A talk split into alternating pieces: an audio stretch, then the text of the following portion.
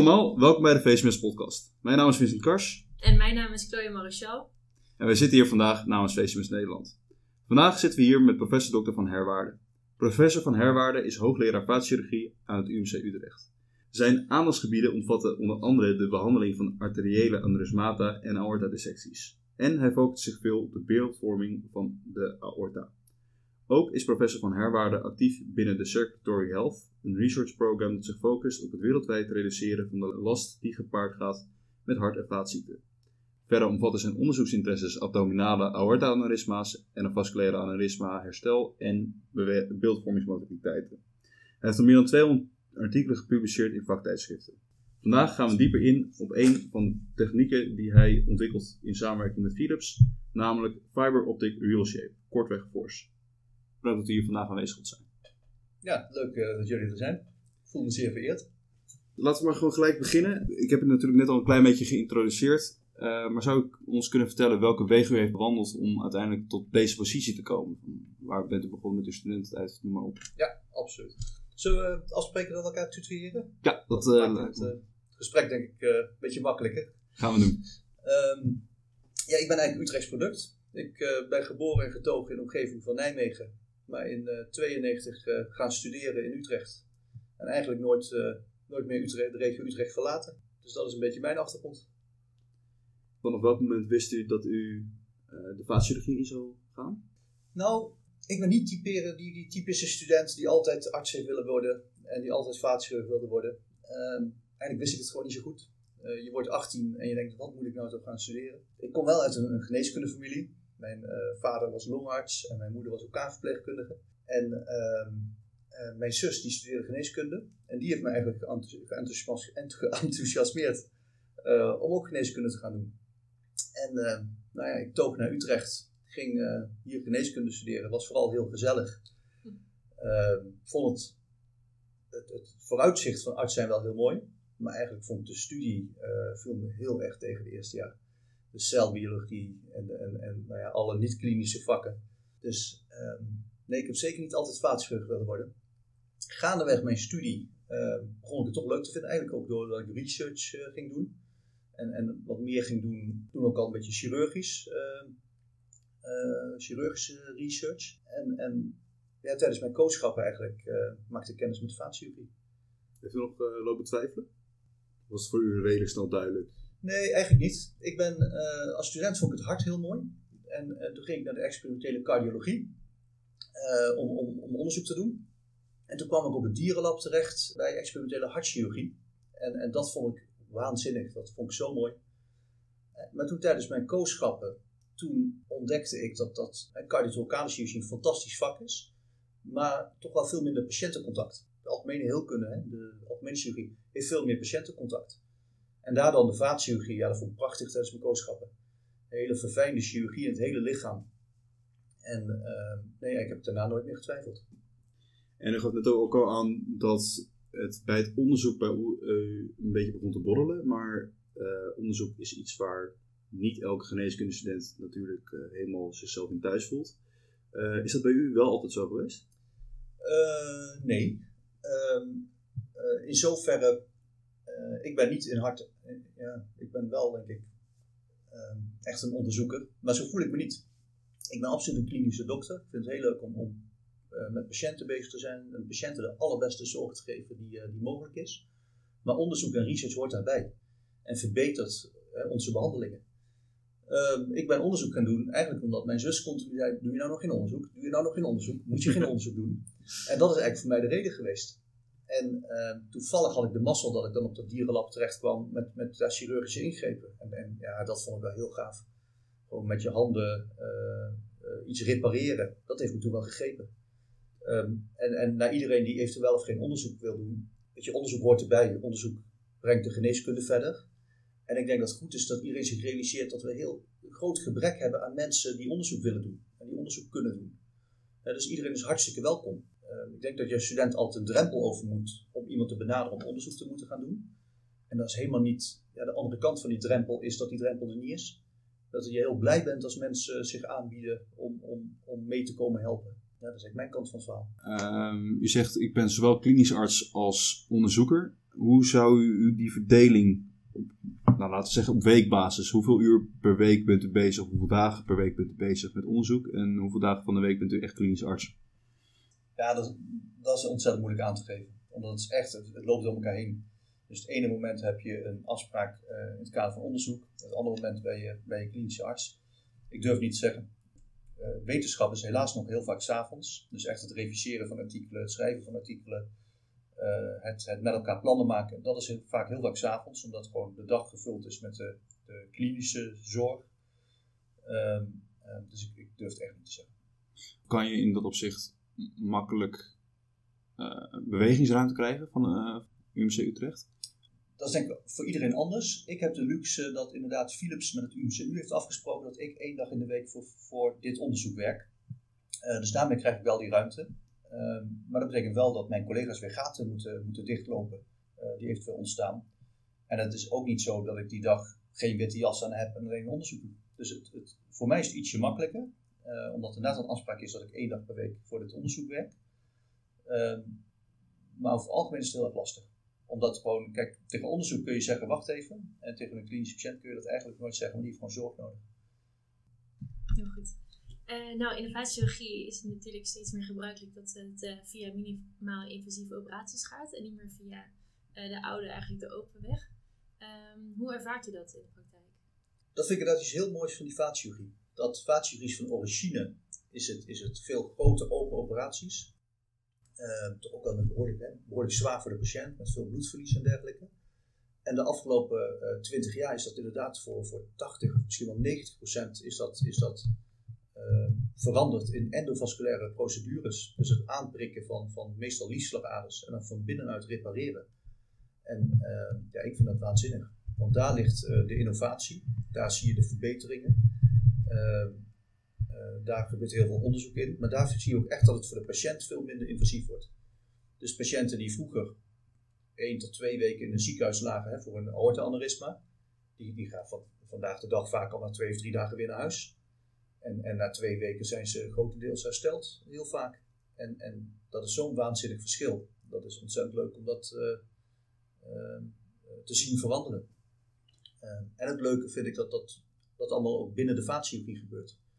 Dus het is niet zo dat andere specialismen dat overnemen. Maar ons vak bestaat tegenwoordig uit open chirurgie. Dus de ene dag doe je grote open, operaties. En de dag erop dan is het allemaal minuscuul met voerdraadjes en kathetertjes. En uh, probeer het van binnenuit op te lossen. En die combinatie vind ik ontzettend leuk. Ja, het is mooi om te zien dat zo'n ontwikkeling inderdaad ook uh, bij de patiënten ja, zorgt tot minder last van de operaties. Uh, daarbij vroeg ik me inderdaad wel af wat uw voorkeur heeft. Vindt u de open operaties leuker om te doen, om het even zo te benoemen? Of bent u toch meer fan van de minimaal invasieve operaties? Ja, allebei. En dat klinkt een beetje flauw, maar dat, dat, dat is echt zoals het is. Uh, uh, open opereren is iets magisch. Hè, dat dat allemaal kan. En, en dat is, uh, allebei is enorm teamwerk. Dus je hebt alles te zien nodig, maar ook mensen om je heen. Je hebt, je hebt eigenlijk zes paar handen nodig vaak. Um, en open chirurgie is iets magisch, dat het allemaal kan en, en mogelijk is. Patiënten daar beter van worden, vind ik ontzettend bijzonder. En, en de vasculair dat het dan lukt om, om, om met gepriegel heel vaak uh, ook iets op te lossen, ja, het is allebei mooi. Ik zou, ik zou allebei niet willen missen. Je vindt de afwisseling het leukste dan? Ja, het is enorm leuk. Maar uiteindelijk is dus zo'n minimaal invasieve ingrepen zijn voor een patiënt beter voor het herstel dan die open uh, operaties. Denkt u dat u nog gaat meemaken dat alles uiteindelijk minimaal invasief wordt? Dat ze helemaal niet meer open gaan opereren? Nou, alles is heel veel. Dat denk ik niet. Want je hebt altijd mensen bij wie het gewoon niet kan van binnenuit. Uh, doordat de anatomie zo is dat het gewoon te lastig is. Bijvoorbeeld, je kunt niet met je stents komen waar je moet komen. Uh, of dat stents falen, na een aantal jaren complicaties ontstaan. En dat dat gewoon alleen maar met open chirurgie op te lossen is. Dus dat het verdwijnt, uh, dat denk ik niet. Ik denk wel dat er uiteindelijk ziekenhuizen zijn waar ze alleen maar en de vasculair doen. En die open chirurgie wordt zo minder uh, uitgevoerd in de toekomst, dat dat wel gecentraliseerd gaat worden. Ja, er gaat wel veel veranderen, denk ik. Nou ja, nu we het toch over de uh, minimaal invasieve chirurgie hebben, komen we eigenlijk ook gelijk uit met uh, het belangrijkste onderdeel van deze podcast. Dat is namelijk de techniek die u in samenwerking met Philips heeft ontwikkeld. Fiber Optic Real Shape. Op gebied van beeldvorming viel er natuurlijk nog veel te winnen. Voor de patiënten, maar ook voor de sommige medewerkers op de OK zelf. tot nu toe was het toch wel de voornaamste manier om je instrumentaria in beeld te brengen met nucleaire tracers, onder andere. en die straling zorgde toch ja, voor een redelijk gezondheidsrisico voor zowel patiënt als voor behandelaar. Uh, kunt u iets meer vertellen over de ontwikkeling van deze techniek? Van hoe zijn jullie op het idee gekomen en hoe is het balletje gaan rollen? Ja, um, hebt helemaal gelijk. Uh, als je endovasculair opereert, hè, dus met, met, met voerdraden en katheters in de, de slagaders en in de gewone aders, moet je door het lichaam heen kunnen kijken. En dat gebeurt uh, met röntgenstraling. En zo zijn we allemaal opgegroeid in de geneeskunde, als je iets doet in het lichaam, bekijk je het meestal met röntgenstraling. Uh, als je het niet live uh, open kunt bekijken. Dat heeft inderdaad nadelen. A, de straling, gezondheidsrisico voor de patiënt, maar ook inderdaad voor ons team, voor iedereen op die operatiekamer die aanwezig is. Maar ook een heel belangrijk nadeel is dat het 2D is. Je krijgt, op je scherm zie je je devices, maar die zie je in 2D en in zwart-wit. En dat, dat maakt het onnodig lastig. jullie zijn van de generatie van de van de games en de, de, de videogames. En dat is allemaal prachtig, 3D in 120.000 kleurtjes. En als je je voorstelt als je dat zou doen in 2D in zwart-wit, ja, dat maakt het onnodig moeilijk. Uh, de technologie, die Force-technologie, die is inderdaad, uh, zijn we aan het ontwikkelen samen met Philips. En uh, Philips is bij mij gekomen. Dus Philips heeft, ik denk een kleine tien jaar geleden, heb ik voor het eerst contact met ze gehad. En ehm, wat het inhoudt, is dat er een bundel glasvezels bouwen ze in de voerdraden en in de katheter. En dan wordt laserlicht door die glasvezels heen en weer gestuurd. En als je dan die glasvezel uh, buigt, dan krijg je verandering van dat laserlicht, van dat patroon. En die uh, apparatuur is zo knap dat ze door ze de analyse van die verandering van dat laserlicht, kunnen ze reproduceren op je scherm waar die, waar die katheter en die voerdraad dan moet zijn en wat precies de vorm is. Dus uh, met gebruik door gebruik te maken van dat laserlicht, wat heen en weer gaat en geanalyseerd wordt, kunnen ze die katheters en die voerdraden in 3D uh, eh, in kleur op het scherm laten zien. Die technologie die had Philips aangekocht, maar die was, uh, volgens mij komt die zelfs van de NASA, dus die was niet nog medisch in nog niet in, me in medische artikelen. En ehm, zij hebben toen gezegd, laten we nou samen met, met, met een aantal artsen kijken of het lukt om dat in eh, die endovasculaire devices in te bouwen. Eh, maar dat betekent dat die, die, die voerdraden en katheters moesten eigenlijk opnieuw gemaakt worden. Um, zoveel mogelijk lijkend op de producten waar ik normaal mee werk. Maar dan wel met die glasvezel erin. En met software waar wij dokters uh, goed mee overweg kunnen. Um, en dat is de afgelopen ja, 8, 9 jaar uh, hebben we dat ontwikkeld. Nu sinds 2018 gebruiken we het in patiënten. maar het staat nog steeds in de kinderschoenen is nog steeds aan het begin van, eh, eh, van de ontwikkeling. En hoe lang denkt u dat het duurt voordat dit breed uit geïmplementeerd wordt? Ja, hoe lang weet ik niet. Kijk, je moet je voorstellen, als ik een, uh, een ingewikkeld aneurysma, een complex aneurysma repareer, uh, heb ik drie of vier verschillende soorten voerdraden nodig. De ene is wat stijver, de andere is wat soepeler. Uh, en misschien wel vijf verschillende soorten katheters in allerlei soorten vormen. Nou, met deze Force-technologie hebben we nu twee katheters en één voerdraad. Dus dat betekent dat ik een deel van die operatie daarmee kan doen, maar een heel groot deel ook nog niet. Langzamerhand moeten we meer gaan ontwikkelen en meer devices uh, ter beschikking krijgen. Op dit moment is het zo dat de technologie wordt in drie ziekenhuizen in Europa gebruikt en in twee ziekenhuizen in, in Amerika. En het idee is om de komende jaren te groeien, of de komend jaar te groeien naar tien ziekenhuizen wereldwijd. En dan met elkaar ervaring op te doen en, en de resultaten te gaan bundelen uh, om ook die, uh, ontwikkelingen verder te versnellen. Dit is natuurlijk een redelijk nieuwe techniek. En als we kijken naar bijvoorbeeld de laparoscopie, toen dat geïmplementeerd werd, was dat een techniek om onder de knie te krijgen, omdat men uh, opeens in een 2D beeldscherm 3D moest gaan opereren. Hoe ziet u dat met deze techniek? Is dat ook moeilijk onder de knie te krijgen of zou je dit snel kunnen oppakken? Deze technologie die helpt je alleen maar. Dus waar we gewend zijn om het inderdaad te behandelen met 2D-schermen, uh, ehm, krijg je nu ineens dezelfde devices in 3D. Dus de laparoscopie en dergelijke, dat, dat maakt het lastig, dat moet je onder de knie krijgen. Dit maakt het juist begrijpelijker en daarmee makkelijker. En zowel voor degene die het doet, als ook denk ik voor iedereen van het team zelf. waar je normaal iemand, bijvoorbeeld ik heb ergens een probleem, kan heel moeilijk in een bepaalde slagader komen. Dan uh, weet ik vaak wel wat mijn probleem is, maar voor de mensen om me heen is dat vaak lastig in te schatten. En met deze technologie is het ook gewoon voor iedereen om je heen veel beter te begrijpen en eh, te zien. Ja, en u gaf net ook al aan dat de problemen zitten nu voornamelijk in de beschikbaarheid van de materialen die je hebt. Uh, naaldvoerders, et cetera, die zijn nog niet allemaal ontwikkeld op deze manier.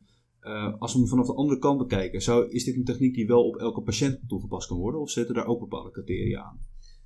Op dit moment is het zo dat de voerdraden en de katheters hebben een maximale lengte. Dus dat betekent dat ik uh, iedereen ermee kan helpen als het probleem, dus de verstopping of de verwijding, het aneurysma, zit op een, op een bepaalde afstand van bijvoorbeeld de liesslagader. Dan kan ik het voor, voor, voor iedereen gebruiken. In de toekomst uh, valt dat weg, want er zullen steeds langere voerdraden en katheters met deze technologie gemaakt worden. Nou, de force technologie hebben we dus eigenlijk samen ontwikkeld met Philips. was je dan ook een van de eerste die deze technologie heeft gebruikt in de OK? Ja, wij, hè, want het is echt teamwerk, Ja. waren de eerste in de wereld die dit echt in patiënten heeft gebruikt. Dus dat is inderdaad ook wel iets waar we heel trots op zijn. Ja, dat lijkt me net wel een gaaf prestatie. En mag ik dan vragen hoe het verlopen is? Uh, ja, het prima verlopen. Kijk, in het begin heb je, je moet wennen aan, aan de apparatuur. Bijvoorbeeld deze, deze hebben een stekker. En normaal een voerdraad is iets wat op zichzelf staat en dan kun je uh, overheen schuiven wat je wil. Deze voerdraden hebben aan de achterkant een stekker. Dus daar moet je, moet je aan denken, daar moet je aan wennen. Maar op zich, uh, op zich is het gewoon prima verlopen. Zijn er nog ergens problemen gaandeweg, überhaupt tijdens de ontwikkeling opgetreden, die oh. je niet had voorzien? 120.000. en dat is het leuke van research doen en dingen ontwikkelen, is dat je, je bedenkt iets met elkaar. Je bedenkt daarvoor een oplossing. Je bedenkt versie 1, 2 tot met 100 bij wijze van spreken. En elke keer weer komt er iets naar voren wat je niet verwacht had en wat toch tegenvalt. Uh, of waarvan je denkt dat kan nog beter. En dat is met deze technologie ook. Kijk, de voerdraden die we nu hebben, of die voerdraad, die vinden we nog niet optimaal. Uh, hij lijkt heel veel op de voerdraad die we altijd gebruikt hebben. En toch net niet 100%. En is net nog een beetje dat je denkt, ja, dit kan net nog een beetje beter. En die katheters geldt hetzelfde voor. En de software ook. Het is net zoals Windows. Windows uh, 97 was voor toen heel oké. Okay. Maar als je nu terugkijkt, denk je, ja, wat was dat een uh, een matig uh, softwarepakket. En dat is met dit ook. Er is nog heel veel te verbeteren, maar toch brengt het ons nu al heel veel. Bent u van plan om hier uh, de rest van uw carrière mee bezig te zijn? Oh, geen idee. Ik denk wel dat dit niet weggaat. Dit, dit blijft ons, hè, want het is, deels is het research, maar het is ook al patiëntenzorg. We gebruiken het voor de gewone patiëntenzorg. Dus dit, dit is iets wat blijft. Maar of het mijn hoofdmoot blijft van onderzoek, geen idee. Dus u zou het ook prima vinden om het gewoon uit handen te geven aan de volgende generatie of uh, onderzoekers? Nou, uit handen geven, weet je. Uh, ook dit doe je echt samen. Uh, nee, heel graag dat anderen uh, op, de, ook op deze trein springen en meedoen en, en, en, en, en onderdelen voor hun, voor hun nemen. weet je, hoe meer mensen hierop kunnen promoveren en, en hier iets aan kunnen hebben, hoe beter. Porsche is, die techniek is uiteindelijk dus op de markt gekomen om zowel vanwege de veiligheid, maar ook inderdaad vanwege de, dat de beeldvorming er dan beter uitkomt. Dat je een beter beeld hebt van waar je instrumentarium op dat moment is tijdens de operatie. Um, en dit is echt gekomen uit een noodzaak. Nu kan ik me voorstellen dat als die noodzaak er is, dat men merkt dat die veiligheid niet helemaal, uh, nou ja, sommige, het is wel veilig, maar het kan geoptimaliseerd worden. Uh, zijn er naast Force nog sommige vergelijkbare technieken in ontwikkeling? Uh, jazeker. Er is een, een, technologie die er een beetje op lijkt, maar die met een soort MRI-apparatuur werkt. Dus daar is een soort mini-MRI MRI, rondom de operatietafel. en die kan ook katheters en voerdraden zien zonder röntgenstraling. alleen is het zo dat die kan niet de hele voerdraad of de hele katheter in beeld brengen. En dat is een groot verschil. Dus er zijn wel andere technologieën, maar die, ja, in mijn ogen hebben die, hebben die meer beperkingen. Uh, en verder gaan we steeds meer met echo kijken. Hè? Dus uh, waar vroeger alles bijna met röntgenstraling was, pak je nu ook heel vaak een echoapparaat. Om het echo te kijken of van buitenaf of van binnenuit met een katheter met erin echo, een echokopje. Uh, maar, ook dat kan niet een hele katheter of een voerdraad in zich heel in beeld brengen. Dus dat zijn dingen die elkaar wel aan kunnen vullen, maar die niet vervangend zijn, denk ik, voor die force En die MRI-technologie, dat lijkt me naast het feit dat ze niet de hele voerdraden in beeld kunnen brengen, ook nog een nadeel dat je een heel MRI-apparaat ook op de OK moet hebben. Wat ook weer een uitdaging met zich meebrengt. Daarnaast zijn MRI's ook redelijk duur. Is een van de duurste uh, ja, beeldvormende onderzoeken die je kan doen in een ziekenhuis. Hoe ziet dat met FORS? Hoe, want het gebeurt wel vaker dat er nieuwe technieken worden ontwikkeld, maar die zijn dan ook aan de prijzige kant. Uh, is dit een economisch duurzame techniek? Uh, dat weet ik niet. Op dit moment, hè, de, het heeft een catalogusprijs. Het is nog niet op de markt dat het voor iedereen verkrijgbaar is. Dus het is echt maar voor een paar ziekenhuizen mogen ermee werken. Ik weet wat de katheters kosten. En die zijn duurder dan gewone katheters, want er zit die glasvezel in. Mm -hmm. maar wat het uiteindelijk qua extra kosten met zich meebrengt, ik heb echt geen idee. Ik denk dat dat helemaal te maken heeft met hoeveel het gebruikt zal gaan worden. Dus op hoe grote schaal het geproduceerd kan gaan worden. En ook wat je weer ermee terugwint. Kijk, want als ik uh, een duurdere katheter gebruik, maar daarmee de operatietijd kan verkorten, uh, of misschien operaties op die minimaal invasieve manier kan doen, maar dat anders misschien niet zou kunnen, en patiënten naar de intensive care moeten en langer in het ziekenhuis zijn, verdient het zich op een andere manier weer terug. Dus op dit moment kan ik niet vertellen, zeggen of iets duurder of goedkoper is. Maar het, en, en hoe het uiteindelijk kan ik ook niet zeggen. Ik kan alleen zeggen, ik denk dat het echt een verbetering is van zorg. Um, en dan moeten we met elkaar uiteindelijk maar bekijken of dat meer kost, of dat het minder kost en of het dat waard is wel of niet. Ja, ik bedenk me nu opeens natuurlijk ook dat uh, naast het feit dat de straling natuurlijk gevaarlijk is, zal het voor elkaar personeel ook voor hun rug en andere gewrichten beter zijn, omdat de loodsoorten natuurlijk uh, achterwege kunnen laten door, dankzij deze techniek. Ja, op het moment is het nog zo dat uh, het een aanvulling is, hè, dus we gebruiken en röntgenstraling en voor gedeeltes van die operatie die technologie. En ik denk dat het zo heel lang gaat blijven. Maar ik denk wel dat we op een gegeven moment naartoe kunnen dat we dunne loodschorten aan kunnen. En dat maakt het inderdaad al veel plezieriger. Want met een zwaar loodschort operaties doen van, van soms zes uur, ja, dat, dat uh, is wel extra zwaar. Nee, dat kan ik me heel goed voorstellen. Ja, absoluut. Um, ik vroeg me net nog af, want uh, je zei net dat het inderdaad maar beschikbaar wordt gesteld voor tien ziekenhuizen. Wat is de reden daarvoor dat jullie het beperken? Omdat het uh, echt nog in ontwikkeling is als je denkt, ik, ga dat, ik, ik, koop die apparatuur en daarna wordt alles makkelijker en, en er zijn geen, geen kinderziektes, ja, dat is niet zo. Um, dus er is echt voor gekozen om in tien ziekenhuizen, waarbij men zeer ervaren is en ook ervaren is met, met het doen van onderzoek en, en ontwikkelingen, om die uh, ja, te laten pionieren. En ook denk ik omdat er nog heel veel uh, ondersteuning nodig is en, en, kinderziektes zijn aan die apparatuur. En ja, dat, die ondersteuning kun je niet bieden zijn de Philips als je het in 100 of, of een paar honderd ziekenhuizen doet. Nee, precies. Het wordt echt even gecontroleerd vanuit een kleine hoeveelheid. En als dan alle kinderziektes uh, zijn opgelost, dan kan het op grotere schaal worden geïmplementeerd. Ja, ja dat is de gedachte. Ja, dat is duidelijk. Is wel voor zelf een beeld uh, wanneer je het wil opschalen? Nee, daar ga ik ook niet over. Nee? Dus, uh, de, weet je, Philips is, is degene die, die eigenaar is van de technologie. Wij zijn partner in, in het feit dat wij de research samen doen. En dat het ontzettend leuk is om, uh, om daarin echt samen te werken. Uh, met ingenieurs, met, met iedereen die bij, dat onderdeel van Philips werkt. En dat zijn daar ook eindeloos veel mensen. Uh, en dat is ontzettend leuk. Maar zij zijn ja, de eigenaar van de technologie en bepalen het commerciële. Daar ga ik helemaal niet over. Wat dan tijdens het ontwikkelen van deze techniek? Want het klinkt als een hele mooie techniek. Maar ik kan me ook voorstellen dat het niet zonder slag of stoot ja, op de tafel is gekomen, om maar zo te zeggen. Uh, wat zijn volgens jou de grootste hordes geweest tijdens dit hele traject? De technologie in die devices krijgen. En dan die devices eigenlijk helemaal te laten lijken op, op devices zonder die technologie. En een voerdraad die wij gebruiken, die is uh, 0,035 inch. Dat is 0,9 mm. Dat is zo dik als een haar. En daar moet dan een bundel glasvezels in. Ja, dat is ongelooflijk knap. En, en om die dan zo min mogelijk effect op die voerdraad te laten hebben, uh, dat is denk ik de, grote, de allergrootste orde geweest. En dan ook nog duurzaam. In het begin hadden we een voerdraad die misschien wel goed deed, maar die hield er een kwartier mee op. Ja, daar kun je ook niet, niet niemand mee behandelen. Uh, dus ik denk echt de techno technologische uitdagingen, die zijn de, dat zijn de grootste uitdagingen geweest. En dan het glasvezel in de katheter krijgen, maakt het dan extra stug? Of op voor manier merk je dan verschil? de technologie erin is uh, de voerdraad is iets stugger. Uh, in de katheter, daar zit het in de wand hè, van de katheter. Mm -hmm. Dus dat, dus dat uh, en die, ja dat klinkt raar, maar die katheter lijkt juist weer een beetje slapper. Ehm, maar op de markt heb je, heb je duizend verschillende soorten voerdraden en katheters. En wij hebben natuurlijk door de jaren heen hebben de allerbeste geselecteerd.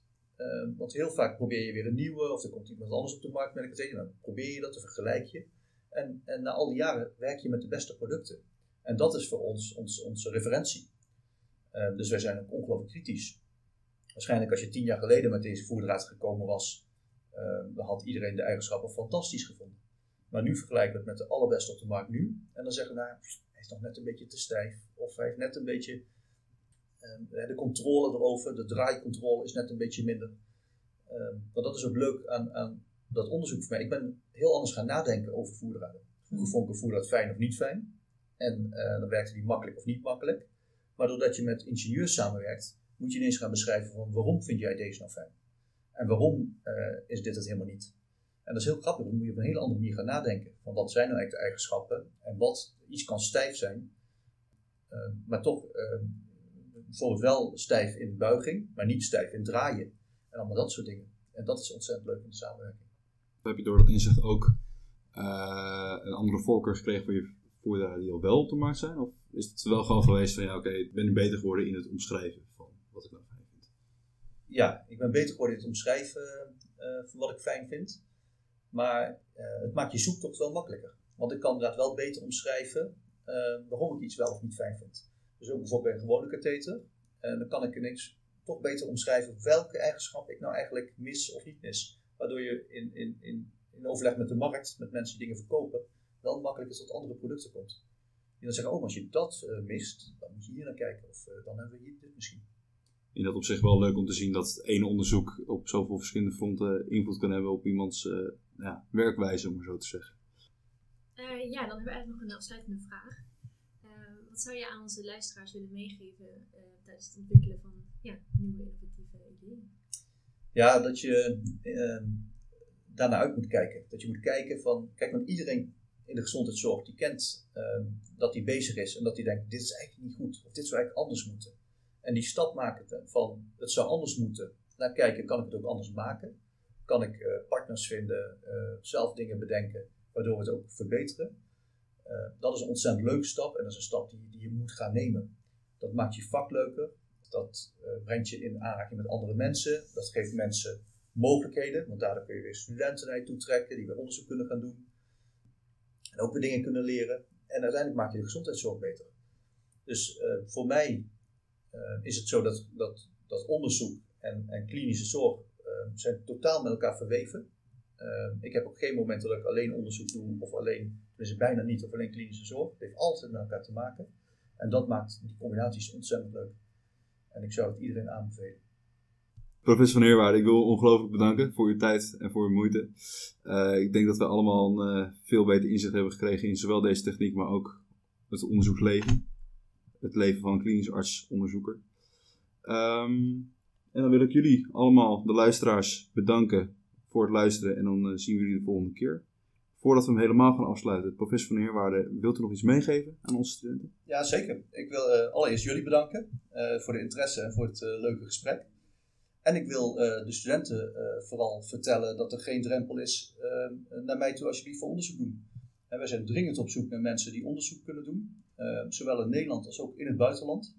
dus ik zou graag een oproep doen aan mensen die, die langer de tijd hebben, en dan praat ik bijvoorbeeld over twee tot drie jaar, om onderzoek te doen, om zich bij mij te melden. Want zowel mijn collega's als ik hebben genoeg mogelijkheden voor, het, voor het meedoen van onderzoek. Ik denk dat het een heel mooi aanbod is en ik uh, hoop dat jullie allemaal uh, in grote getalen zullen uh, reageren. Dank u wel en dank jullie wel. Dank.